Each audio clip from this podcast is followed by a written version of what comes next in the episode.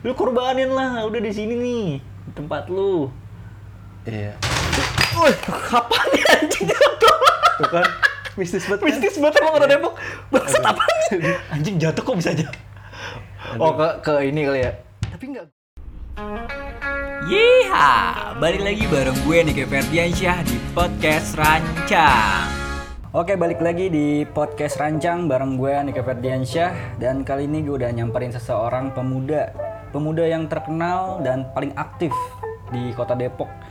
Lebih spesifiknya itu di kota Bojongsari. Siapa lagi kalau bukan Bilal Maliki, the one and only. Gila, akhirnya gue nyampe juga nih. Terlalu berlebihan. Sebenarnya nggak terkenal di kota Depok, tapi senasional. Buset deh. Sombongnya dapet ya. Tuh, gimana kabar Al? Sehat lah? Alhamdulillah sehat, Pel. Yoi, tapi kayaknya warga sekitar Depok ada yang nggak sehat? Nggak tahu udah gue bingung gue. Nggak sehat karena percaya tuh sama kemarin tuh berita-berita kemarin babi ngepet hoax tuh percaya ya? Gue heran deh. Tapi lu sendiri lu percaya nggak sih awalnya? Nggak, Enggak, sama sekali gue nggak. sama sekali enggak ya. Iya. Tapi orang-orang warga sana kan daerah mana? Bedahan ya kalau nggak salah ya? Iya udah. Bedahan tuh mungkin perpercaya kali ya. Karena emang di, di daerah situ sih mistisnya kental banget, Pel. Dari dulu gitu. Dari dulu. Jadi ya mungkin ya orang-orang sana ya terima dengan hal yang kayak gitu mah wajar aja sih sebenarnya. Makanya mereka percaya-percaya aja ya. Iya. dan enggak dan apa gue gue tuh yang penasarannya emang bener ya yang ngejarnya itu telanjang tujuh orang bapak-bapak Tahu, jangankan babi, kita dikejar sama tujuh orang bapak-bapak bugil, Iya, kita takut lah. Gila, kan nggak habis pikir gue. Logikanya di mana gitu? enggak itu juga sih bapak-bapak maksudnya mau gitu telanjang bulat gitu buat ngejar babi Tahu, katanya ritualnya sih kayak gitu. iya itu tapi kalau kata lu itu bener-bener telanjang gak sih orang yang ngejar itu lu orang sebagai orang Depok nih Heeh. yang yang gue dapet nih beritanya tuh bener-bener telanjang gak? ya kan gimana ya? Awalnya gue udah nggak percaya, terus dengan ritualnya seperti itu ya, gue makin nggak percaya. Jadi kata gue ya, ah ini mah palingan hoax doang gitu. Dan terjawab sampai sekarang kan? Iya Hari ini terjawab. iya hari ini terjawab baru Ustadz gadungannya baru ketangkep Iya. Tapi emang kota Depok tuh selalu penuh dengan sensasi ya. Parah. Sensasi banget. Kayak kemarin munculnya COVID tuh dari kota Depok. Itulah keunikannya kota Depok. Padahal kecil ya, tapi bener-bener sensasinya tuh hampir luas banget loh jangkauannya. Kayak Iya. sepulau Jawa mungkin lebih bahkan ya. Tuh orang-orang pada tahu. Sampai gue ini nemu nih ya. eh, di Instagram ada yang list timeline sejarah Depok dari tahun 92 sampai tahun 2021. Nih yang lu kalau yang lu tahu, lu bilang tahu ya nih, gue sebutin nih. Eh, dari 93 kemunculan pocong. Itu tahu nggak? tiga. Nggak tahu gua. Terus kuntilanak pohon nangka 94 tahun 94. Nggak tahu. 95 pembangunan fasilitas roket nuklir. Eh ternyata Tower Masjid Kubang Mas. Nah itu tahu. Absurd banget lah. Iya, Ini tahu bis orang kok bisa apa ya? ke- keliru gitu dah. Karena kan pembangunan kubah emas itu, Hmm. itu katanya tanpa sepengetahuan masyarakat sekitar. Hmm, Kayak gitu. Kayak nggak ada izin atau pemberitahuan lah gitu ya. Bukan kayak tiba-tiba kubah emas jadi aja gitu tanpa ada proses pembangunannya. Oh iya Kayak iya. gitu. iya. Hmm. Katanya itu, tapi nggak tahu lah. Allah alam. Makanya orang pada kaget gitu. Wah, apaan nih gede banget gitu ya. Eh, 97 nih lanjut. Tuyul. Tahu sempet 97 tuyul. Itu gue baru lahir. Iya, baru lahir. gue nggak tahu. Jangan-jangan gue. iya, jangan lu yang sangat tuyul. Botak ya kan. Terus lanjut ke 99 ada Depok memisahkan diri dari Bogor. Ah, itu mah udah biasa. Heeh. Udah banyak orang tahu. Nggak absurd lah itu mah. Iya. 2003 vampir. Apaan sih anjing vampir? tahu tuh. Gue nggak tahu. Sumpah gue juga nggak denger sih ini. 2004 kolor hijau. Kolor hijau. Kolor hijau 2004 itu gue tahu maksudnya eh, pas lagi rame-ramenya kolor hijau emang tahun segitu. Tapi kalau di Dep- di Depok pertama kali ada kolor hijau gue nggak tahu. Tahu ya? Nggak tahu. Oke, berarti skip. 2008 nih langsung loncat babi ngepet itu mungkin awal babi ngepet di tahun 2008 mungkin. Iya. Nggak tahu juga. Tahu itu. Tahu. Oke. 2012 kelahiran Begal ya udah tahu lah pasti. Udah tahu Kita komunitas apa klubnya Jepang. iya Jembatan Mampang. Uh, pokoknya sangar-sangar banget dah. Kayak Iya. tapi emang 2012 tuh emang ngeri sih kalau pulang malam-malam tuh. Apalagi kalau sendirian di Iya. lewat Depok. Nggak di Depok aja sih, di perbatasan Depok kayak di Lewat Cimanggis, Pasar Minggu. Pasar Minggu. Oh, oh. Itu udah emang ra- lagi rame-ramenya bagel sih. Itu tuh kayaknya importan dari Lampung. iya, emang. nah nih, 2016 Musadek ngaku nabi. Ya, tahu gua. Itu daerah Sawangan dekat dari dari daerah Sawangan gua. juga ya. Sawangan. 2017 keranda terbang. Gimana ceritanya keranda terbang? Jadi ada kampung namanya kalau nggak salah ya, Hmm. antara pemuda Pulau Gang Jati gitu. Itu orang sekitar tuh ngelihat keranda itu terbang gitu. Itu yang ngeliat lagi ngantuk kali. Nah, setiap orang yang pokoknya di daerah situ setiap malam, setiap malam itu lihat keranda terbang Secara berulang-ulang Iya, dengan orang yang berbeda gitu. dengan orang ngeliat yang berbeda. keranda terbang. Keranda terbang. Gila. Horor juga sih itu. Makanya. Tapi lu pernah gak sih ngalamin-ngalamin gitu? Hal-hal mistis. enggak. Alhamdulillah enggak. Tapi mau. Ya boleh lah, jadi pengalaman boleh. Seenggaknya ada cerita nantinya gitu. Gue pernah ngeliat keranda terbang nih, gitu kan. Asik kan. Iya bener. Apalagi diceritain sama cucu. Uh. Zaman ungkong nih. pernah ngeliat lagi ungkong masih muda, keranda terbang. Buset deh, belum pernah lihat kan lu? Lu palingan ngeliatnya ini doang nih. Tuyul. Tuyul-tuyulan. Tuyul-tuyulan. Kalau nggak kamera ya. Atas apa namanya lupa gue. CCTV. Bukan kamera. Apaan? Yang terbang, yang terbang. Apaan yang kamera yang terbang? Drone. Drone. Anjing drone horor-horor. Palingan lu ngeliatnya gitu doang, drone. Eh, ngomongin horor, ngomongin horor-horor nih. Loh, kita kan punya horor bercerita lah. Itu gimana lah sekarang lah? Nih gue gue sekarang udah lumayan kosong nih lah. Iya. Cuman sekarang lu nya yang agak sibuk ya kan. Jadi nggak terrealisasi gitu. Padahal awal-awal semangat banget tuh. Lu kenapa sih awalnya mau lah? Kan gue yang ngajakin nih. Iya. Gue gue ngaku nih gue yang ngajakin. Lu kenapa mau terlibat di project horor bercerita? Lu ngeliat peluangnya tuh kayak gimana atau enggak lu ngeliat lu bisa mau tuh kayak gimana dah? Sebenarnya gue lebih ke ininya sih kesukaan gue. Pertama, kalau di YouTube itu kan kita bebas ya berekspresi, Mm-mm. terus mengungkap- mengungkapkan kualitas gitu kan, Iya. tanpa ada batasan apa pun. Hmm. Nah makanya kenapa nggak dicoba gitu kan? Prinsip gue selagi muda ya lu harus berkarya. Bener. Tuh prinsip gue. bisa ninggalin karya lah ya. Ya seenggaknya ada sedikit karya yang nantinya ya apa ya, gue bakal gue kenang, bakal gue nantinya gue akan pelajarin ke uh, adik-adik gue, ke uh, adik-adik gue, maksudnya ke Generasi anak-anak gue gitu. selanjutnya lah ya. Selanjutnya kayak gitu. Dan selepas terlepas dari itu, lu temen gue, gue tahu lu punya basic di bidang itu, makanya ini peluang besar menurut gue. Ya udahlah, ayo konten kan kita sebelumnya cuma sebatas kita ngerjain YouTube kan, Iya. tapi belum tahu kontennya apa. Iya. Nah terlebih konten horor, kan gue bacanya horor banget well. Deh, gila horor banget. Tapi nggak ada, nggak pernah tuh ngalamin pengalaman horor ya kan? Iya, iya sih. Iya. makanya itu makanya gue cukup berani mungkin oh jadi setan pada takut sama gue Tapi emang gitu lah katanya semakin kita berani sem- setan makin takut Iya. katanya. Iya. Tapi gue sampai sekarang sih gue pernah pengalaman juga ngelihat ho- apa horor-horor gitu cuman sekali sih itu juga waktu gue kecil. Gue ngeliat pocong doang. Abis abis itu udah gue nggak berani. Eh nggak berani, nggak diliatin lagi. Karena semakin di sini kayak semakin percaya aja kalau setan itu ya interpretasi dari pikiran kita aja. iya tergantung nih kita lagi mikirin apa nih? Kita lagi misalnya lagi di hutan terus lagi takutnya sama kuntilanak. Ya no- yang nongol bakal bakal kuntilanak kayak gitu. Bener-bener. Sepakat gue nah, makanya itu gue karena sekarang mah, ya mau di mau ke mana sih sebenarnya berani ya. Cuman intinya sih ya jangan sombong aja lah.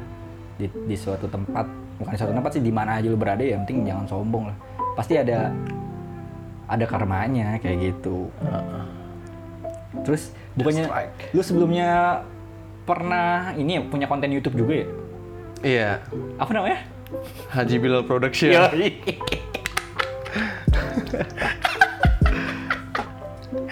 dan lumayan itu itu lumayan gilanya sebenarnya kalau dilanjutin menurut gua lumayan loh lumayan ya sebenarnya Itu kenapa tuh mandek? Padahal yang konten yang meledaknya tuh yang apa? Parodi week week ya. iya Nah itu parodi week week lumayan loh. Lumayan itu viewersnya ya ribuan Iya di YouTube. tapi kena copyright pel Iya iyalah kan soalnya pakai lagu itu ya seenggaknya orang mengenal personal lu aja udah lumayan. Hmm. Kalau misalnya lu sering-sering lagi upload ya mungkin nggak menutup kemungkinan bisa gitu. itu gue langsung buset deh star syndrome gue Segitu aja langsung star syndrome Star syndrome, Parah star gila. syndrome kayak gimana sih lah? di gua kan ke kampus teman-teman gua pada wih gila youtuber youtuber week week katanya gitu set deh lu minta tangan sini sini gua tangan tanganin ya keburu lu ntar nggak bisa minta tanda tangan gua nih sini masih ada waktu luang Iya. Banyak yang minta minta snapgram gitu. Mau mau foto dong, mau masang snapgram. banyak banget minta, di- minta dipacarin juga ada. ya sampai sekarang tapi nggak ada nih apa pacar. nggak ada makanya gue pengen ngonten lagi biar dapat pacar Ngonten biar dapet pacar nggak tuh. Si simple rumusnya tuh. Tapi lu waktu itu kenapa mau dah pas kita awal apa konten horor kan lu sempet kita tuh pertama bikin Instagram dulu ya kan biar orang pada tahu gitu. dan itu Instagram gua Nah itu gue peranyakan, lu kenapa mau? Padahal gue udah, kalau gue pakai Instagram gue karena gue nggak mau. iya Lu kan uh, kita sempat ngobrol nih, Iya. diskusi. Mau pakai pakai Instagram siapa nih? Instagram gue, gue pasti nggak mau lah. Nah, yaudah kita bikin baru. Cuman lu menolak kan? Ngapain bikin pakai Instagram gue aja? Nah itu kenapa lah? Ini Lu banyak kenapa- banyak juga yang nanya-nanya, lu kenapa ikhlasin uh, Instagram lu buat uh, konten lu gitu. Lagi-lagi gitu ya. Pertama kali gua kenapa mengiyakan uh, akun gue itu buat horor bercerita. Hmm. Gue udah di Instagram itu udah nggak aktif. Pas masa itu ya. Hmm. Pas masa itu 2000 Iya, berapa ya? 2019 19. ya? Iya 2019. 2019 itu masa-masa gua udah males gitu main Instagram. Ah, buat apa kan gue punya Instagram terus nggak dimainin dan followersnya juga udah lumayan gitu kan, 1000 1100 lah Iya. gitu. Ya udahlah, gue ngeliatnya juga peluangnya cukup besar kan di horor bercerita. Ya udahlah gue rela berkorban buat itu. Kayak gitu. Tapi kan lu sempet, lu nggak mau bikin lagi kan Instagram? Iya, itu kan dipaksa sama lo. Ya iyalah, soalnya ya itu konten apanya Instagram konten horror ya lu juga harus punya lah bukannya buat gimana gimana ya pertama ya buat ngiklanin konten horror juga Iya. tapi sele- selebih dari itu ya lu juga harus punya Instagram sendiri supaya lu bisa nge-branding diri lu juga gua makanya nyuruh Iya, bikin benar-benar. lagi Bener. Sekarang baru kerasa kan? Baru kerasa gue. ya iya emang emang gitu sih. Nggak tahu kenapa emang di zaman sekarang penting banget sih. Iya. bukan itu banyak pel banyak yang nanya-nanya kayak gitu. Gue ngerasa nggak nge-follow horor bercerita kok ada gitu horor bercerita. Gue nggak jawab itu. Cukup eh cuma di sini aja nih gue jawab nih. Jadi kayak gitu kesimpulannya teman-teman. Anjir. Sosok ini kayak apa jadi sorry sorry aja nih yang tiba-tiba apa loh kok gue nggak follow ya itu sebenarnya akun Bilal yang dulu iya. gitu. Dan gue pernah sempet kayak gini. Gue kan gue apa download aplikasi unfollowers tuh. Ya gue liatin siapa aja yang unfollow tuh.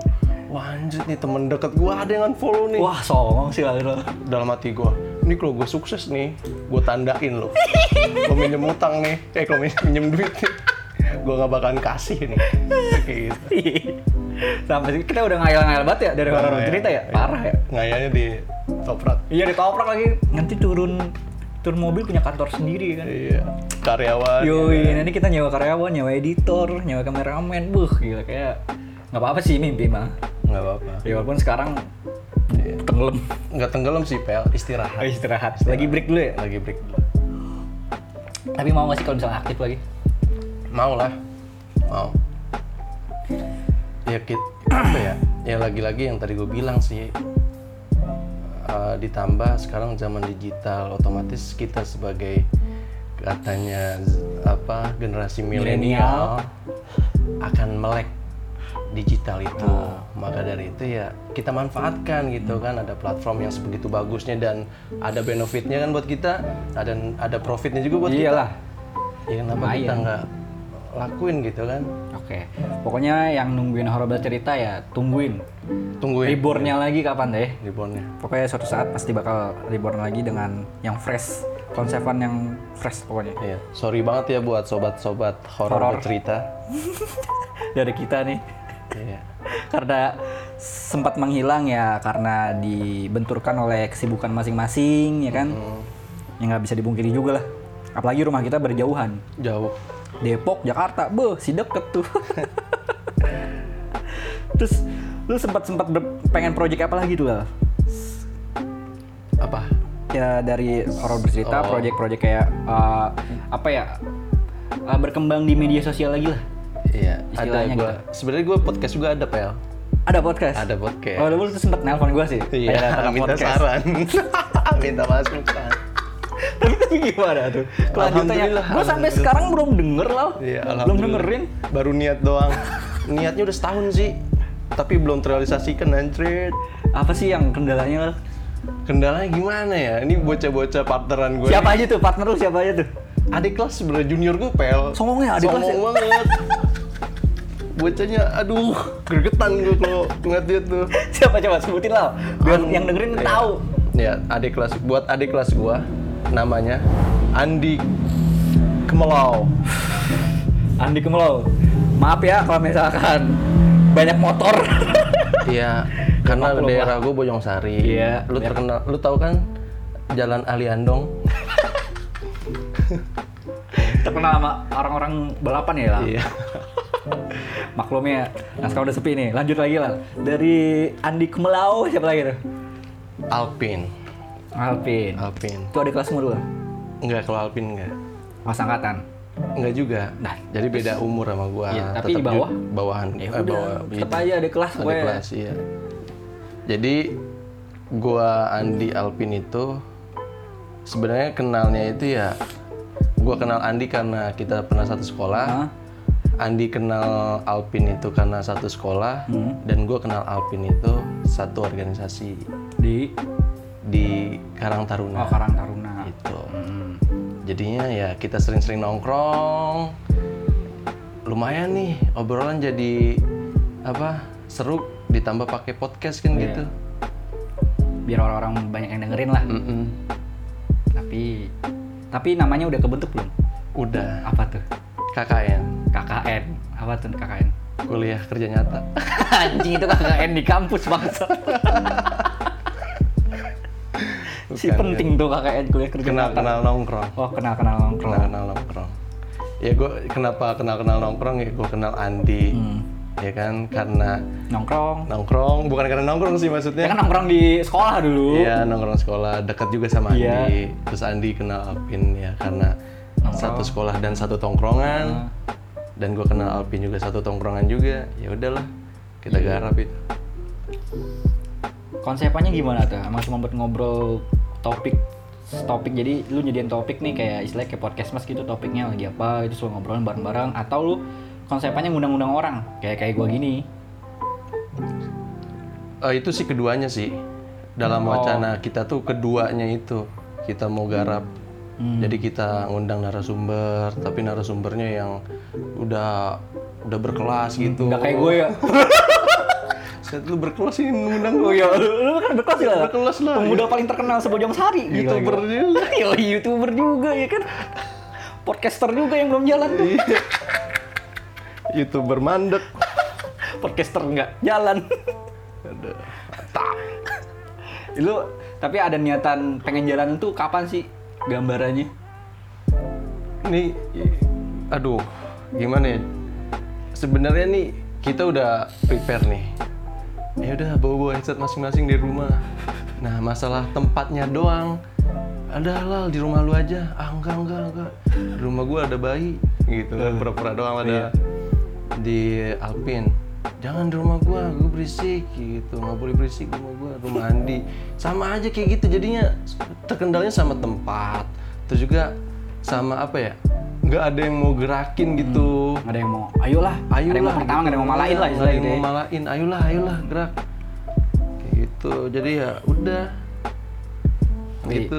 tapi cobalah lah lu lah yang ngayomin lah sebagai orang yang paling tua. Tapi ya pokoknya mulai aja dulu sih. Iya. Nggak usah terlalu berekspektasi tinggi. Lah gue emang mulai kayak gini. Berekspektasi bakal dengerin banyak orang, orang yang undang aja. Gak banyak orang yang tahu. Cuman kan ya itu dia, coba aja dulu. Nah, lu gue pengen nanya nih sama lu. Lu kenapa bisa sampai detik ini masih berjalan podcast lu? gue awalnya kan sempat berhenti lah ya karena apa ya kerjaan gue tuh waktu itu lagi banyak banyaknya lah nggak kepegang gitu mandek berapa bulan gitu lumayan sih sampai setengah tahun nih podcast rancang diem nggak nggak ngelu- ngeluarin ngeluarin lagi itu terakhir di ke 9 episode gitu 9 episode doang. Nah ini mungkin bakal masuk season 2 lah gue nganggepnya karena mau udah masuk ke tahun 2021 kan. Kan podcast rancang gue itu kan keluar tahun 2020 Ah. jadi udahlah gue season 2 aja nih nanti di 2021 jadi gue sekarang lagi banyakin stok dulu uh, orang-orangnya yang gue podcastin habis itu baru, baru nanti gue keluarin kayak gitu. Nah terus juga gue bikin podcast gue baru menyadari ini gue suka ngobrol kan ya. Gue menyadari suka ngobrol tuh pas lagi pandemik lah. Pandemi. iya. Berasa ya? berasa. Lagi awal-awal pandemi kan bingung dong ngapain ya. Gue bingung ya kan. Terus tiba-tiba nggak tahu ngapa tuh kayak gue kalau setiap ngobrol sama orang tuh gue tuh selalu merasa tertarik gitu. Makanya oh ya udahlah gue bikin aja nih podcast rancang.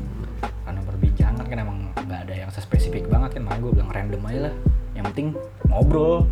Seenggaknya kan kalaupun gue emang nggak ada yang dengerin seenggaknya gue bisa ngo apa ya memperdekat gue lagi sama temen gue yang mungkin udah lama nggak ngobrol ya kan? Iya, silaturahmi. Silaturahmi lagi. Terus juga berbagi wawasan. Kan Bertukar iya, pikiran. kan udah banyak nih teman-teman gue atau teman-teman kita yang udah nggak ngobrol ya kan? Ya makanya gue wadahnya ya gini selain bisa ngobrol bisa didengarkan juga sama banyak orang kayak gitu awalnya banget, sih Keren dah. nggak nggak keren Ngenakin. si eh ngenakin banget tuh bocahnya ya pokoknya gitu lah pokoknya mulai aja dulu lah Nggak Siap, usah- siap. nggak usah mikirin yang ini lah lu korbanin lah udah di sini nih tempat lu Iya. Wih, kapan ya anjing jatuh? Tuh kan mistis banget. Mistis banget emang orang Depok. Bangsat apa nih? Anjing jatuh kok bisa jatuh? Oh ke, ke ini kali ya. Tapi nggak goyang lah, gue sendiriin tuh. Aduh, biarin dah kayak gitu. Piaraan gue pel ya. Eh, jadi, eh, jadi gini para pendengar nih, gue nggak tahu kenapa nih tiba-tiba lagi duduk ada barang yang jatuh anjing horor banget. Nggak, ini bukan gimmick, bukan gimmick. Sumpah, sumpah ini nggak gini. anjing. Bisa-bisanya loh, kaget gue. Yang banyak gue gue miara di setiap sudut ada buat ngejagain gue. Oh, shit. Apaan lah bentuknya lah? Jangan. Jangan apa nih? Jangan tahu gue. Jangan jangan di share. Dia tuh pemalu orang. Oh. Eh orangnya lagi. Setannya. Jinnya.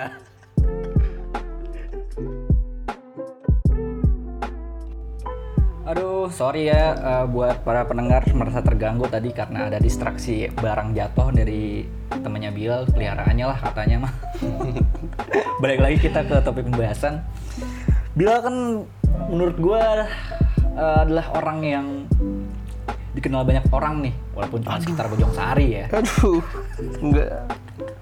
karena kenapa ya pas misalkan nih eh, ada acara di antara hari Sabtu atau Minggu pokoknya pas weekend lah nah si Bilal ini tuh selalu sibuk gitu nggak tahu kesibukannya apa ya kan mending tanya aja langsung lalu lu biasanya sibuk kapan sih lah kalau lagi Sabtu Minggu gitu Weekend. Mm-mm.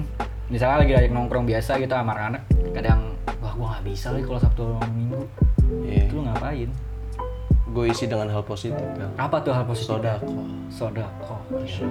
Sodako emang selama itu seharian. Kan sodako bisa tinggal naruh doang terus berangkat lagi. Sodako, salaman, Hmm.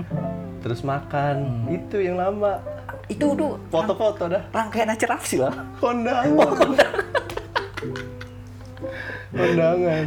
itu emang se serame itu lah temen lo yang nikah belakangan ini gitu. Iya belakangan ini corona itu banyak banget temen-temen gue yang udah nikah dan ditambah eh, per- apa ya pertemanan gue tuh bisa dibilang toksik juga sih pel Kenapa toksik ya? Bukannya semakin banyak temen bagus ya karena nambah relasi gitu. Iya nggak ini buat yang kondangannya ini Oh. gue baru pertama kali ketemu sama dia Hmm. ya kan secara emosional aja belum terbangun Ah. sama dia dia tiba-tiba ada hajatan dan gue diundang itu itu yang bikin banyak Si akrab tuh langsung undang. kata gue ini apa ini bangsa?" gila dan yang lebih parahnya gue nggak kenal sama dia dan gue belum pernah ketemu sama dia tiba-tiba dia ngundang ngundangnya atas dasar dia kenal sama temen gue Anjing, si nyambung tuh pertemanannya. Gila, gila, gila. Gila ya, sampai segitunya lu diundang. Lu emang mungkin terpandang kali ya di ujung sari enggak lah. enggak enggak gitu enggak gitu konsepnya Pel Mungkin enggak. Yang paling benar mungkin ya nambah-nambah lah ada yang ngasih duit gitu. ya nggak tahu gue tujuannya ke mana nggak tahu padahal mah inilah gue kondangan nggak seberapa cuy nggak seberapa Iya, ngasih nggak seberapa. Dapat capeknya doang kan lu. Udah gitu makannya mending enak. Wah! Iya. kondangan nih kondangan tiga puluh ribu makan berapa kali nyendok yang rugi sebenarnya dia Iya. Ya kalau misalkan rumahan sih nggak rugi ya karena dia di refill mulu lah makanannya mungkin. Iya. Jadi rugi nggak kerasa gitu. Tapi yang ngundang itu cukup pede banget ya ngundang lu. nggak tahu gue bingung gue bisa kayak gitu Tapi lu hal yang selama lu kondangan banyak nih yang datang ke lu. Itu yang paling aneh itu kayak gimana lah? Apakah pernah secara bebarengan gitu? Dalam satu waktu sat- satu hari itu tiga kondangan tiga kondangan. Tiga kondangan Lu ngalahin presiden lah, presiden juga gue yakin undangannya nggak nyampe tuh. Dan di situ kepala gue pusing padahal di hari bahagia temen-temen gue dan di situ gue pusing pusingnya gimana caranya gue kondangan gitu harus tiga tempat lagi dan walhasil gue cuma hadir dengan badan doang gitu tanpa ada kado yang spesial buat Biar adil lah ya. iya Ketiga-tiganya lu nggak ngasih tuh. ketiga-tiganya gue ngasih Biar adil seenggaknya Biar adil. buka aja lah. iya. sebenarnya bukan biar adil sih emang duitnya nggak ya tapi misalkan nih, lu ada duit juga, ya boros juga lah. itu tapi borosnya kondangan itu sebagai tabungan kita juga Pel. Iya benar. Tapi kalau ke temen deket kan tadi lu bilang ada yang nggak kenal, kenal dari temennya temannya Nah, lu, itu yang lu. itu Lu bakal kan juga pasti suatu saat misalnya lu punya acara kayak nggak mungkin undang dia lah. iya sih Iya kan? Jadi nggak balik modal anjing.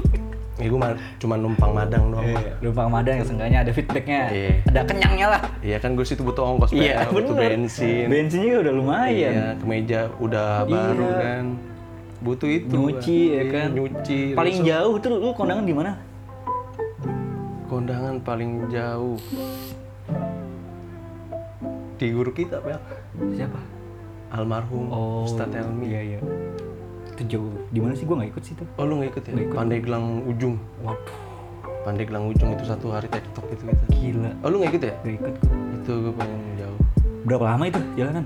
berapa ya tiga jam apa berapa jam Anjing. lupa, lupa gue Di lupa jalan? iya Gila. dan itu cuma numpang makan doang habis itu Lagi-lagi cuma numpang makan. iya pulangnya malam habis itu Itu Ya, tapi karena emang Ya karena guru, kan, sih, itu iya. pas ya karena guru ya pasti mau nggak mau ya hormatin. iyalah ngehargain di hari Yang udah ngundang ya kan.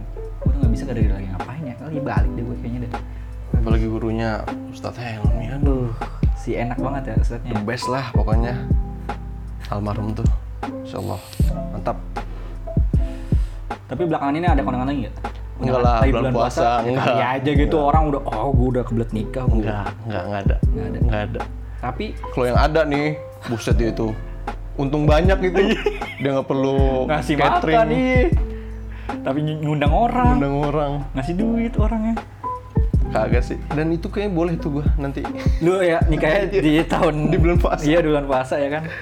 Ya ide baru tuh. Jadi ada nih tips nih buat orang yang mau less budget gitu, budgetnya nggak terlalu banyak, nikahan lagi bulan puasa karena nggak perlu biaya catering. Itu lumayan loh biaya catering anjing. Tapi buat ke depannya nih di bulan selanjutnya setelah bulan puasa ada nggak undangan yang datang sekarang? kayak baru obrolan-obrolan sih kayak teman-teman gua gitu yang mau nikah di Ada lagi? ada bulan Gila. Mei di bulan Mei ada tapi undangan belum sampai sama gua tapi gue yakin sih dia ngundang Pasti lah udah ada obrolan gitu. dan ada juga senior gua yang mau eh, nikah juga di Palembang. Anjir, lu datang lu Palembang? Iya, Gila, si niat lu. Beneran demi-demi dah. iya. Gila di Palembang. Lah, Palembang. didatengin. Mantap emang dedikasi Bilal untuk pertemanan tinggi banget ya. Enggak, enggak gitu. Jadi nih buat siapa pun nih ya yang merasa temennya Bilal Undang gua. undang aja pokoknya. Bilal pasti datang kok pokoknya. undang gua. Undang gua, undang gua. Woi, undang gua, woi. Soalnya Palembangnya dia datengin. Ya apalagi cuman daerah Jawa. Ya elah itu mah deket cuy. Datang pasti dia. Tapi yang bikin nyeseknya pel, ya kan gua ngeliat ya orang-orang kondangan gitu ya sama pasangannya. Hmm, Lah ini mah gua sama lanang lagi, lanang lagi. sendirian gitu. Iya. Apa lu datangnya sama batangan juga? Iya sama teman-teman gua lagi. Ya Allah. Bukan sama pasangan kekasih gua. Oh, sedih banget sih lo. Makanya itu pel cari pel? Ya Allah. Gue aja agak jago lah. Promosiin dong, promosiin. Promosi nih buat Iya. yang pendengar yang cewek nih. Iya. boleh, boleh. Bilal lagi butuh pendamping nih. Iya sih. Ya seenggaknya Bilal orangnya lu bisa ketawa lah pokoknya kalau lagi ketemu mah. Tadi lu kenapa sih lah? Lu kan tadi nyinggung apa ya? Kalau kondangan sendiri nggak ada pasangan. Emang tuh lu lagi sekarang-sekarang lagi mau pasangan? Nggak mau berpasangan maksud gue atau gimana? Apa emang lu lagi pengen sendiri? Kembali lagi ke prinsip pel. Gimana tuh prinsip apa sih? Anjir bocah ada prinsip nih boleh boleh. Nikahi atau tinggalkan. Anjing. Berat banget anjing bocah sok sok kelas anjing. Nggak bercanda-canda. gua nggak sebaik itu. Eh, gua nggak sebaik itu. Gua ya belum ini aja belum nemu, belum nemu yang cocok. pas ya. Tapi selama ini ada nggak yang yang lu merasa cocok sama cewek? Ada. Tapi nggak dapet. Gua nggak dapet. Sialan. Di ghosting mulu gue pel. Kenapa di ghost? Kira mungkin orang yang lu deketin kelamaan kali lah. Maksudnya lu PDKT-nya kelamaan. Enggak juga sih, apa emang cara pendekatan gue yang kurang bener gitu? Ya buktinya itu cewek-cewek pada ghosting sama lu.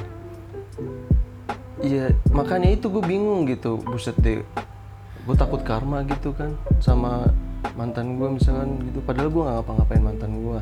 Ya, emang lu ghostingin mantan lu waktu itu? Enggak. Iya kenapa bisa karma lu? Kenapa lu bisa berpikir itu karma? Kagak lah. Itu karena kalau gue sih emang lu nya aja yang kelamaan geraknya. Gitu ya? Iya lah. Ya udah, Harus- cowok tuh harus deket, harus cepet, cepatan gitu. gitu. Siap-siap. Terus kesibukan lu apa sih lo? Buat sekarang-sekarangnya? Skripsian. Alhamdulillah doain nih. Hmm. Gue udah bab akhir. Ya pokoknya tinggal inilah ngerapihin revisian yang dikit lagi nih kelar nih. Udah terus lulus lah ya. iya. terus eh, ya menata masa depan sih pel Anjir. anjir ya Bahasanya menata masa depan gak tuh? iya Lu kenapa Gua- sih skripsiannya kok telat? itu gua masih asik sama Temen lu? sa- enggak bukan sama status mahasiswa gue masih asik Apa yang bikin asik sama status mahasiswa itu? di ini dinamika perkampusan gitu Gimana sih dinamika dinamika perkampusan? Gue pengen tahu. Apa gitu? Maksudnya emang temen-temen lu udah banyak yang lulus belum? Angkatan lu? angkatan gua apa ya bisa dibilang setengah sih Hmm. setengah udah lulus setengah lagi belum gitu Oh mungkin ya ngaruh juga sih. Cuma misalkan angkatan lu udah lulus semua, pasti lu ke trigger sih. iya Soalnya angkatan gue emang cepet-cepet lulus tuh di Bandung.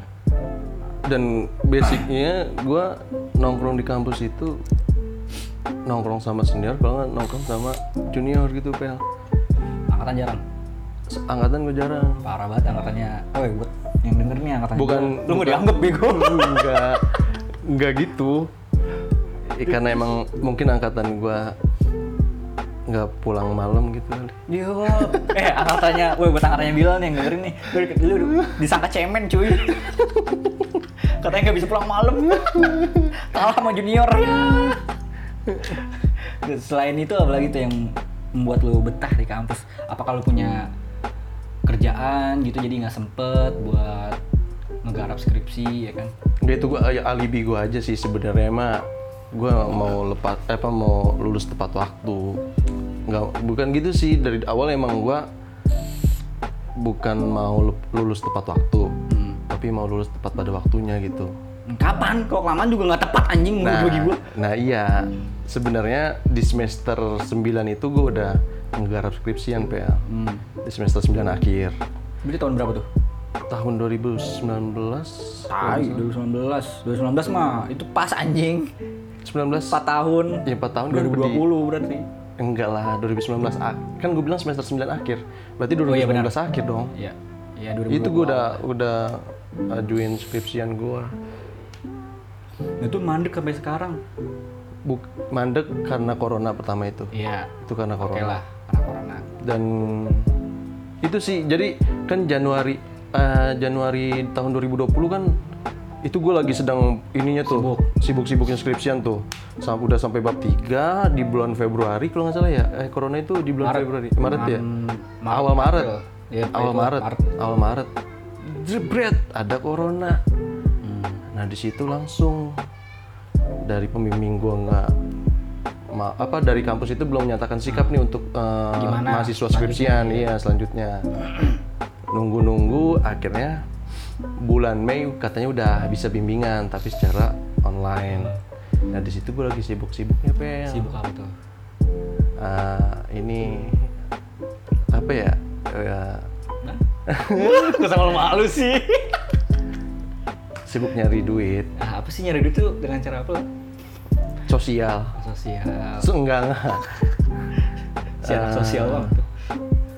ikut tim ini Tim ses. sukses Oh, tim saya apa? Walcott ya? iya wali kota. Walcott ya? Ah. Itu kenapa bisa nyemplung jadi tim ses? itu diajak temen sih Awalnya gue diajak diajak temen iya diajak temen ya bantu bantuin dia juga ya udah gue ikut aja Selagi buat ngisi kekosongan juga ya. iya dan isi dompet gue yang kosong Bener. Waktu yang kosong, dompet yang Iya. kosong, ya kan. Tapi gitu. lumayan tuh dari situ. Maksudnya waktunya, uangnya, relasinya nambah nggak tuh? Alhamdulillah secara itu sih sebenarnya tujuan besar gue itu gue ikut ke situ tuh bukan karena duitnya Hmm. tapi emang gue perlu duit ya Iya, itu hanya bonus lah Iya. tapi yang intinya gue ikut ke tim lu itu mau jadi tim sukses itu ya karena gue, gue mau itu ya karena eh, dapat relasi dan juga pengalaman pembelajaran ke gue kayak gitu yang lu lakuin, gue kan belum pernah ikut kayak tim ses tim ses gitu. Itu eh, kerjanya ngapain aja lo? ngibul Ngibul. enggak enggak serius-serius kayak sales marketing aja sih PL Nawar-nawarin. Iya, kayak wali calon kita nih sebagai produk. Ah. Ya kita gimana caranya kita mempromosikan produk itu Hmm. Iya, iya. biar caranya orang-orang itu bisa tertarik gitu ke produk Berarti itu. lu ke belusukan gitu dong kayak ke kampung-kampung gitu. Iya, tapi gua di segmentednya ya di segmennya itu pemuda, Pemuda. pemuda. Kalau lu narik masa pemudanya lah gitu biar Iya. ini mengenalkan siapa? Eh, tim sesus siapa? Apa ya? Orangnya? Walcott. Yang sekarang jadi Ya yang sekarang jadi itu ya pokoknya itulah Walcottnya. Masarin Walcottnya lah gitu lah istilahnya ya. Iya, Ke itu ya gue bantu-bantu teman-teman gua. Itu sih. Tidak terlepas dari itu gua terima kasih sama teman-teman gua. Hmm, tapi emang lu suka sebenarnya kerja kayak di bidang kayak gini nih contohnya kayak ya ini kan istilahnya kan kayak kerjanya ketemu antar manusia gitu ngobrol gitu Kan Suka pasti tuh gua. suka emang lu suka di bidang kayak sosial gitu ya Suka ya. Alhamdulillah gue suka. Sama aja kayak lu, Pel. Lu suka ngobrol, Iya. sama gue juga suka ngobrol gitu. Hmm, ah, iya sih. Cuman kan kalau gue kan secara profesional gitu kan kayak dalam kerjaan gue belum pernah nih terjun ke masyarakat langsung gitu. Cuman kalau misalkan lagi jalan-jalan ya itu mah pastilah na- ngobrol-ngobrol sama warga sekitar gitu kan, biar tahu. Terus emang tujuan lu dari kesukaan lu ini kan kata lu tuh suka ngobrol terus di bidang sosial emang kerjaan lu nanti mau ngebayangin kerjaan lu tuh apa sih? Gue pengennya sih ya, kalau dari diri gue, gue pengen di kerjaan itu ya pengen di media, Pel. Media, Media TV khususnya. media TV. Karena mengapa lu ketat tertarik di media TV? Ketertarikan gue diawali dengan gue ngambil jurusan jurusan kampus gue, komunikasi penyiaran Islam. Hmm. Itu. Jadi lu tertarik lah, kebentuk lah ketertarikan lu ke kebentuk. media. Iya. TV mana sih yang pengen lu pengen banget nih suatu saat gue pengen nih kerja di TV stasiun TV ini apa tuh Net. ada nggak oh net Net. net kenapa net tuh kayak udah ini banget maksudnya anak muda banget gitu Bagus seragamnya. si penting tuh karena seragam masih masuk net Dan satu lagi. apaan Ceweknya cakep cakep-cakep. ketebak banget anjing pengen masuk net motivasinya karena cewek cakep-cakep dan seragamnya bagus sih si bagus tuh alasannya Enggak sih, kontennya bagus. kontennya bagus Kontennya. ya nggak sampah lah ya Iya. Dan kekinian Ya. sesuai dengan jargon dia kan. Televisi masa kini. betul dia juga nggak apa ya nggak norak sih nggak alay lah Iya. Yang mengedepankan gimmick sama drama Mm-mm. Nah tuh emang kualitas sih anak muda banget sih. Iya. Seleranya anak muda banget sih emang sih walaupun Iya. emang nggak TV nomor satu, cuman TV-nya anak muda. Tapi walaupun gua nggak di Net TV tapi gua Pengen. mau di mana-mana aja gitu. Iyalah belajar dulu lah. Belajar. Tapi lu pernah nggak kerja di kayak produksian kayak gitu? Kan TV kan pasti kan lu ngeproduksi tuh nanti kerjanya. Heeh. Lu pernah nggak kerja di bagian-bagian kayak gitu? Atau lo dapat kerjaan gitu? Aduh, gue pernah di film, Film. film, film layar lebar. Diajak sama temen gue. Lagi-lagi diajak sama teman lagi. Iya. itu tuh emang kalau temannya luas bisa Membantu. membantu film apa lah Film sunyi, sunyi. Horor men. yes gila emang lu jiwa lu emang jiwa horor banget ya? Parah. Parah lah. itu gimana tuh? Kesan pesan lu tuh? Lu pas ikut kerja di produksiin film layar lebar. Gila itu menyita waktu gua, tenaga gua, pikiran gua, pel. mana bagian apaan? Gue bagian asisten kamera. hmm, itu kenapa tuh? Lu bisa bilang tadi menyita waktu Pertama, tenaga gue masuk sebutan film itu kan callingan ya. hmm. Callingan itu pagi jam 7 pulang malam jam 10 dan itu da- jaraknya dari rumah gua ke lokasi itu jauh. Mana emang lokasinya Cibinong dalam sih. Cibinong dalam lumayan kan kalau dari sini. sih, dari. Bojong Sari mah nah itu kalau waktu. Terus dari tenaga. Tenaga itu bener-bener gua di pressure banget sama uh, kameramennya. Karena kan gua nggak enak nih sama temen gue yang udah ngajak gua. Gue totalitas lah. Ya kan dia Ngebantu nama. dia ngebantu buka peluang nih. Ya ya kali gua nggak semaksimal. Kayak gitu. Hal yang dari hal yang pernah lu bikin anjing gini amat ya kerja di production itu apa? Pas kayak gimana lah oh ya. Emosian. Emosi iya iya. Emang emang orang produksi emang emosional. Emosian. gimana tuh emosinya tuh? Gue di maki-maki pel depan umum. Maki-maki dulu lu masih inget gak? Masih gue sama sama stradanya setelah gimana asisten sutradara. Heeh. padahal gue disuruh sama kameramen nih operator. Lal buka pintunya bocor. Hmm. gitu kan. Nah si Astrada itu lagi briefingin si aktor itu. Iya nah udah udah briefingin udah mulai nih. Dia udah ngomong satu udah pokoknya kamera gitu Iya. siap standby. Aku masuk. Jadi lu masukin frame ya? masukin frame gua. ya namanya disuruh operator kan. Istrinya tuh bos gua Iya. operator kan. Ah. ya udah gua gua gua jalan lari sih. Tanpa dosa ya? lari tanpa dosa nutup pintu jebret. Boy anjing. Ini udah mulai bangsat digituin gua dalam banget tuh ya. Itu depan umum orang. Aduh gila. aduh gila sih. Itu sih. Wah kena mental illness lu. Lah yang lebih parah sih itu kata gua oke lah itu masih mending tuh. Itu masih mending lah itu. Oke oke gua gua bisa terima gitu. Karena emang ada kesalahan salahnya gua ya. ya kesalahan gua. Tapi walaupun nggak 100% kesalahan gua itu PL nah karena ada yang nyuruh. Iya. Ada uh, tim ini make up, make up, make up tim make up di maki-maki. Itu cewek, cewek cewek Dimaki-maki di juga. tempat umum juga. Maksudnya di depan umum Ah. gitu. Dimaki-maki. Ah mungkin emang karena jiwa kesatriaan gua meronta-ronta Oh, gitu. aduh, ngeliat- habisan nih ngeliat cewek di bentak-bentak nih terus lu Langsung apa yang lu lakuin tuh Diem. Gerutu. si penting tuh perannya katanya meronta-ronta Terus gue keluar bentak keluar langsung dari set. langsung temen gue apa bang gitu Hmm. Gila gue kasihan sama cewek. Kagak bisa gue ngeliat cewek dimaki-maki. Asik tuh. Anjir, walaupun cuman ngedumel tapi Iya. seenggaknya terus dinasihatin sama kru-kru lain. Emang kayak gitulah Al, di dunia produksi ini. Sabarin aja kayak gitu. Ya udah akhirnya ya lumayan sih gue bener-bener dapat pembelajaran dari situ. Mantep lah. Emang salahnya si make up itu apa? Apa ya lupa gue Sampai diomelin gitu. Make upnya ketebelan, tahu gimana gitu.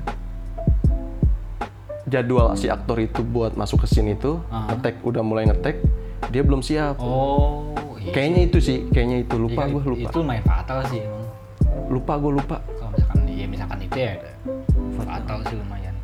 Nah, tapi kan lu udah dapat gambaran nih ya. Lu udah pernah kerja di produksi, kalau gambarnya tuh nanti ya istilahnya kayak gitu lah. Iya. Penuh dengan tekanan, omelan, cacian. Heeh. Lu pengen kerja di TV lah. Lu siap menerima nanggung itu lagi? siap Wah. siap mental, mental harus baja ya. Iya. Gila sih. itu kan eh, kemarin itu bahan pembelajaran gue bahan pelatihan gue PL mungkin ya gue kaget gitu ya kan baru pertama kali terus digituin kan kaget aja mungkin udah tahu nih ya kan sekarang ini udah tahu ya gue bisa siap ngejaga itu sih ngejaga emosi gue Hmm. Ya kayak udah memaklum nih ya. ya udah maklum lah di produksian kayak gitu. Terus temen lo itu nggak ngajak-ngajak lo lagi nih sekarang-sekarang? niatnya sih kemarin dia ngontek gua bang lu mau nggak itu produksi lagi nih web series katanya kapan bulan Ramadan gitu waduh bulan Ramadan Berat. berat jangan dah, nggak j- nanti nanti aja dah gitu ya udah nanti habis lebaran ya ada lagi nih ntar gua ajak lu gitu oke siap gitu Jadi kabarin Askam lagi dah. nggak tahu deh kayaknya lighting kalau nggak salah Oh, lighting. Nggak apa tuh. Hmm. Sikat aja lah pokoknya. Akhir sikat sikat sikat terus gua mah. Dia selagi ada peluang. Itu temen dari mana tuh? Lu bisa diajak kayak gitu? kampus Kampus. Ah, di Senior? kelas gua. Oh, di kelas gua. manggil gue bang masih Tapi keren juga dia. Maksudnya adik kelas lu udah kerja di production kayak gitu. dari bokapnya Oh. bokapnya itu operator kamera Oh, pantesan. bokapnya operator dianya asisten kamera bokapnya Ya. Bener-bener tuh. Nepotisme banget. tapi enggak Iya, lepas enggak. dari eh, nepotis dia punya kualitas Pel. Iya, pastilah. Ya pasti bapaknya juga misalkan ngajak anak yang nggak tahu belentang-belentang mah malu juga. Iya. Bapaknya ngajak juga pasti kan ada kualitas. Iya. Biar nggak malu-maluin bapak bap- si bapaknya itu. Gila ya. Emang dari temen ngaruh banget ya relasi gitu. Bisa sampai ngajak-ngajak kerjaan kayak gitu ya kan. Terus Iya. temen-temen mana lagi tuh yang kira menurut lu tuh pernah ngajak lu ke kerjaan lagi selain dia nih ada lagi nggak apa ya ya paling ke event-event aja sih. Ikut event apa lu pernah? Kayak event Vespa gitu. Hmm, oh wis anak Vespa juga. Lupa gue lu anak Vespa juga. Vespa tuh lu pernah ikut ev- event Vespa di mana aja? Enggak gue pengen JSR Java Scooteris apa? JSR itu Java Scooteris racing gue juga lupa. Ronda Spurs apa? Lupa gue itu. Itu di mana sih? Jogja bukan sih Jawa pokoknya Jawa kan ganti-ganti pel iya enggak. tempatnya yang di Jogja itu apa se Asia ya event apa ya ada di laptop gue tuh stikernya World Day itu Iya iya iya World Day apa ISF. itu? Iya ISF. Iya. International Iya, gitu. Day kalau nggak salah. Ah, tau lah apa itu. Itu pernah nggak ikut itu? enggak gue Lu nggak pernah. gue touring-touring jauh tuh di Vespa belum pel Tapi kan lu, gue liat kan lu aktif banget nih di Instagram tuh sama Sinje ya kan. Gila lu kewakil ya kan lu. Gila dedikasinya sama Vespa. Walaupun Vespanya ngangkrak doang sih, nggak dipakai-pakai. iya Badannya doang. Itu hobi dari Vespa dari kapan sih lah? dari satu SMA satu mad aliyah Berawal dari berawal dari tabungan gue sih pel gue bingung nih ya kan setiap bula, apa libur bulanan gue kan pesantren sama kayak lu. Iya. Lah. ya kan? Tapi kalau yang yang yang nggak tahu ini. Iya. gue pesantren kalau libur bulanan itu gue bingung kalau misalkan ngumpul-ngumpul sama yang lain gitu mau bocah karena kan setiap anggota keluarga gue setiap eh, minggu? Enggak bukan setiap minggu. Setiap anggota keluar anggota keluarga itu udah punya motor masing-masing gitu. Jadi kalau misalkan dia punya kesibukan lain gue nggak bisa pakai motor itu kan aduh gue bingung tuh kan akhirnya gue punya tabungan. Gue langsung bilang sama orang tua gue mau beli motor gitu. Beli motor apa emang? Ada duitnya gitu. Ada alhamdulillah nabung gitu. Itu gue nabung dari MTS pel. Buset. MTS awet juga ya lu nabungnya dulu mah tahu sekarang mah? Iya di AHA, buset deh di AHA. terus terus? Ya akhirnya ya disaranin sama abang gua, Nuh beli Vespa aja. Temen abang gua jual gitu katanya. Ya udah, Vespa, Vespa. Gua belum pertama, belum pernah naikin Vespa dan belum bisa juga gua naik ini bawa Vespa. modal nekat lah ya beli Modal nekat ya udahlah. Nggak cocok harga, ya udah langsung gue beli. Dan dan ininya ya lucunya yang ngejual Vespa itu sekarang temen gue Pel. Yuh. Padahal dulu gak kenal tuh beli. Sekarang jadi anak tongkrongan ya. Jadi sekarang temen gue dan temen tongkrongan. Gila. Lucu gue bahas-bahas itu. Lu secinta apa sih lo sama Vespa? lo? Dibilang cinta banget ya, enggak juga gue masih ada kendaraan yang lain. Oh, yang apaan yang lo pengen? Yang pengen apa? Kan tadi lu bilang Ada kendaraan yang lain, maksudnya selain Vespa tuh gue ada kendaraan Scoopy gitu. Tapi dibilang nggak suka juga, nggak juga gitu. Ya setengah lah gitu tingkat kesukaan gue sama Vespa. Iya iya iya. nggak terlalu over juga soalnya gue juga cuma sebagai pemakai aja sih bukan Dan punya. Iya dan punya dan ikut komunitas juga gitu Iya lu maksudnya sampai segitunya lo maksudnya lo sampai ikut-ikut komunitas kayak gitu gitu itu kan berarti kan kayak apa ya suka lah su- bisa dibilang menurut gue suka banget gitu sampai lu ikut komunitas apalagi lu sampai jadi wakil ketua ya kan Hmm. sebenarnya kalau misalnya gue ikut komunitas itu nggak ada niat gue masuk komunitas pel tapi lagi-lagi gue masuk kampus dan di situ ada open recruitment komunitas dan gue bawa Vespa gue ditarik terus pel oh iya sih sebenarnya gue pernah ngalamin kayak gitu Iya kan sama kan. Nah. Nah kedua kalinya, ketiga kalinya dia ngajakin gue, akhirnya gue nongkrong lah nggak enak. Hmm. Karena juga gue udah kenal nih sama abang-abangan diajak- ini, ajak udah terus. diajak. Iya. Ya udahlah akhirnya tuh. cimplung dan gue di situ langsung klop suka. Udah gue lanjutin. lah tuh akhirnya Iya, ya. gue lanjutin ke totalitas di komunitas itu dan alhamdulillah anak-anak percaya. Sebagai gue dijadiin wakil. Oke. Tapi gue juga waktu itu pernah, gue, gue hampir sama kayak dulu. Tapi gue bawa motor kan, Vespa kan semester 4 gitu. Gue diajak ke komunitas, udah beberapa kali gue pernah nongkrong sama beberapa orang doang sih. Cuman setelah itu gue ngindar terus loh. Gak tau apa, gue males sih ya, maksudnya gue tuh orangnya nggak mau aja gitu terlalu banyak komunitas yang gue ikutin Iya. gue gue kan cuma tiga aja cukup lah gitu tiga organisasi juga termasuk organisasi. Tiga perkumpulan udah cukup bagi gue di kampus. Gue nggak mau banyak banyak soalnya takut waktu gue tuh tersisa karena eh terbuang-buang aja gitu. Harus menyisikan waktu ke sono ke sini. Terus waktu buat diri gue sendiri kapan? Main gue nggak gitu ikut tuh kayak gitu. Iya. Vespa gue nggak ikut walaupun gue suka nih ya. Cuman gue udahlah cukup lah. Gue akhirnya nggak ikut. Walaupun gue suka teman gue ada yang ikut tuh. Ayo lo ngumpul ngumpul. Ya ya duluan duluan. Gak ikut gue bukan dalam artian gue berarti nggak cocok atau gimana sama Komunitas. Vespanya cuman karena ya emang gue udah menurut gue cukup aja udah gue masuk komunitas atau gimana gimana gitu nggak mau terlalu banyak banyak ribet anjing pala Ribet deh. Iya, ayo nih malam ini ngumpul sini ya, misalkan. Eh malam besok ngumpul sini ya, buset capek.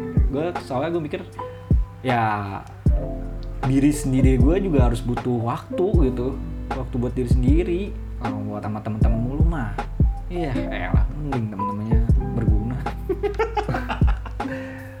soalnya nih ya, ya nggak menutup mungkiri juga sih terlepas gue kan orang Jakarta. Dan rata-rata teman-teman orang-orang Garut orang Jawa Barat ya kan. Kemungkinan gua berkesinambungan suatu saat nanti kan kecil gitu. Iya. kayak eh, lu mau nggak kerjaan ini? Ya gue di Jakarta tempatnya jauh kan. Nggak mungkin juga gitu. Makanya gue ya udahlah secukupnya aja makanya gue Oh lu lihat prospek ke depannya iya langsung gitu ya? iya gue gitu emang ya sekarang mah nggak bisa dipungkiri lah temenan tuh pasti ada maunya Iya. Iya emang pasti ada maunya lah temenan. Sekarang mau bullshit aja kalau teman nggak ada maunya. Ya, ya itu mah gimana kita aja dah milih-milih yang kira-kira berpotensi nih. Emang temen tuh milih-milih, emang harus milih-milih sih.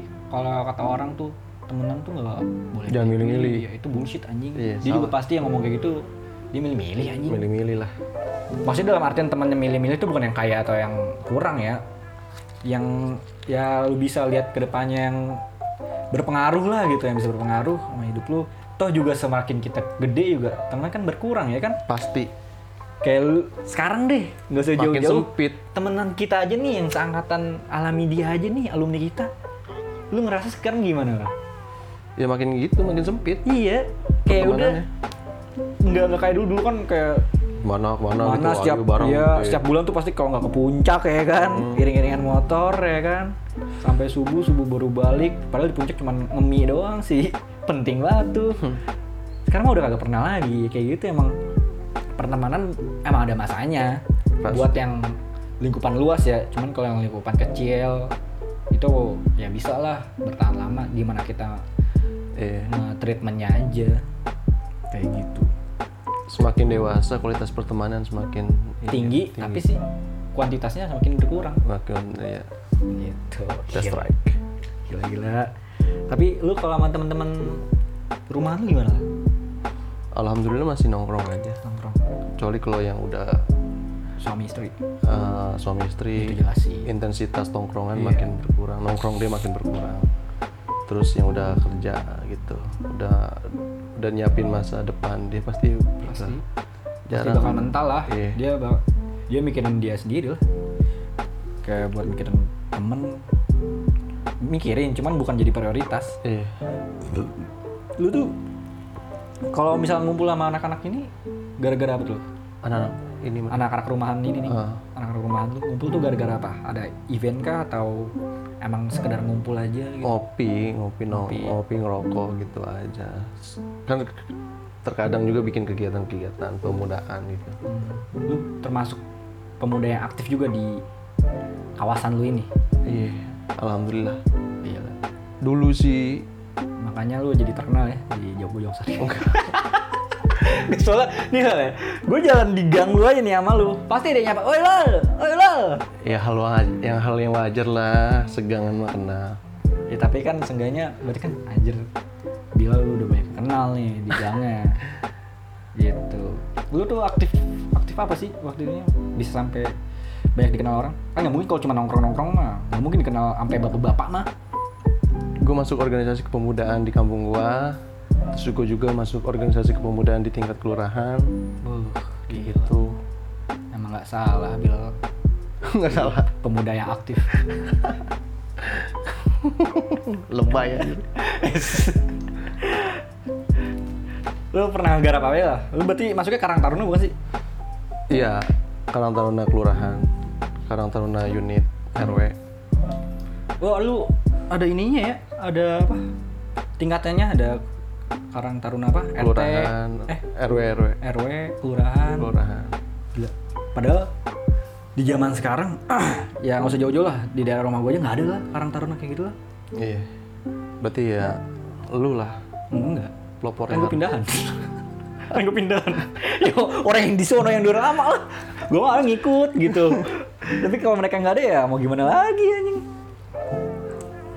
Tapi sekarang masih aktif nggak nih? Setelah kan lu udah selesai apa belum sih masa ini lu di Karang Taruna kawasan sini sebenarnya periode gua ah gua bilangnya gua dulu pernah jadi ketua Anjir. Kayak lu banyak banget ngejabat jadi ketua lu. Di kampus, nggak di sini anjing. enggak Remaruk banget sih. gua rakus jabatan Iya, rakus jabatan. gua haus dengan jabatan Aku butuh ketenaran. mantap Gimana gimana gimana? sebenarnya belum habis periode gua tapi di pertengahan jalan gua ngundurin diri sebagai ketua karena itu kemarin di tahun 2000 eh 2019 akhir itu gue udah mau fokus nih Buat di skripsian gue makanya gue ninggalin di dunia perkumpulan pemudaan ini di kampung gue ya udah akhirnya gue minta izin sama anak-anak anak-anak. Akhirnya diterima alasan gue mau garap nah tapi terlepas dari gue lepas jabatan itu ya tetap kayak misalnya ada kegiatan- kegiatan-kegiatan gitu gue tetap ikut kayak sumpah pemuda gue masih terlibat dalam kepanitiaannya datang mah datang lah ya. Iya, dan terlibat juga masih. terlibat. juga.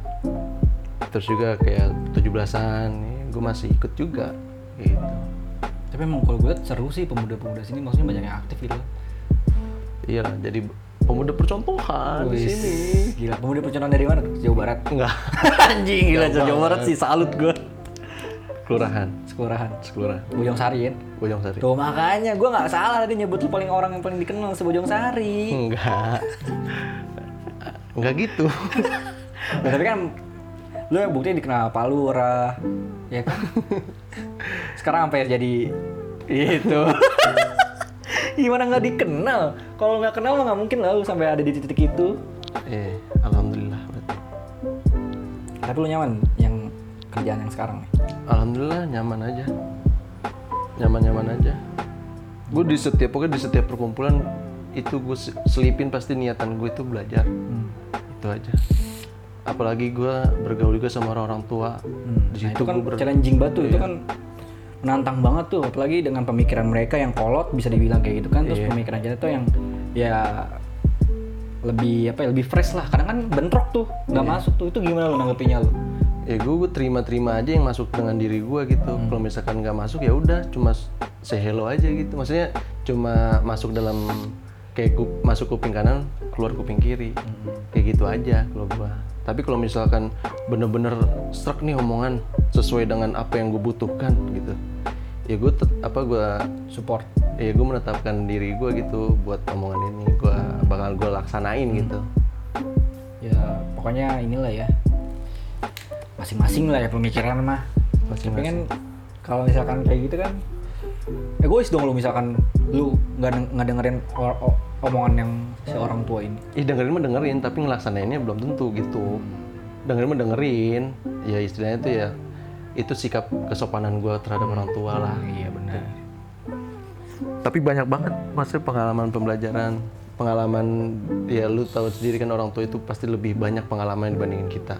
Nah itu yang gue cari, tahu-tahu sela-selaannya. Sela-selaan. bener sih. Tapi emang lu pengen nanti suatu saat kerja nanti berkecimpung di dunia kayak gini? Di kelurahan kayak gini? Atau? Ya itu jadi plan, plan B lu kan ya setelah plan B, mungkin plan C, plan Z lah hampir plan Z. kalau misalkan ya amit-amit ya lu nggak dapet di TV gitu Iya, itu, Itu lo jadi jadi opsi, pilihan lu. jadi pilihan gue. Wah, oke lah lah, segitu aja. Kayaknya udah terlalu lama banget nih. Kita udah lama ya. Sejam cuy. Udah sejam gila. Nah terakhir nih, pesan-pesan lu nih buat yang dengerin. Ada nggak sih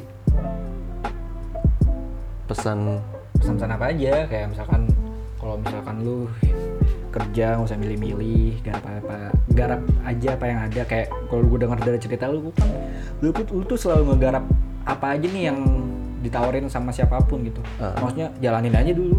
Masalah bisa apa enggaknya, ya itu belajar gitu. Hmm. Gini, garis kehidupan kita kan gak ada yang tahu nih, Pel. Betul. Kita mau jatuh di mana. Hmm. Nah, maka dari itu sebelum kita menetapkan diri kita mau di garis mana, Hmm. kita harus belajar apa? Kita harus belajar ke semua garis. Benar.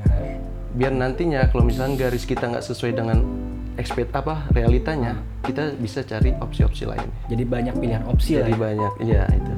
Jadi banyak pilihan opsi. Mantap, mantap. Ya udahlah, segitu aja nih. Oke. uh, podcast kita. Siap. Thank you banget. Semoga lu semakin sukses dan lancar terus Amin, apa amin. yang lu garap ya kan. Amin, amin. Dan juga bisa sampai ke impian lu itu kerja di TV, stasiun Amin, TV. amin. Yaudah, gua Nika Ferdiansyah pamit dan Bilal Maliki pamit. Selamat mendengarkan rancang, semoga ada manfaatnya. Kalau nggak ada ya, ya udahlah, cuma sekedar obrolan gua sama Bilal. Yaudah ya, dah. Dah.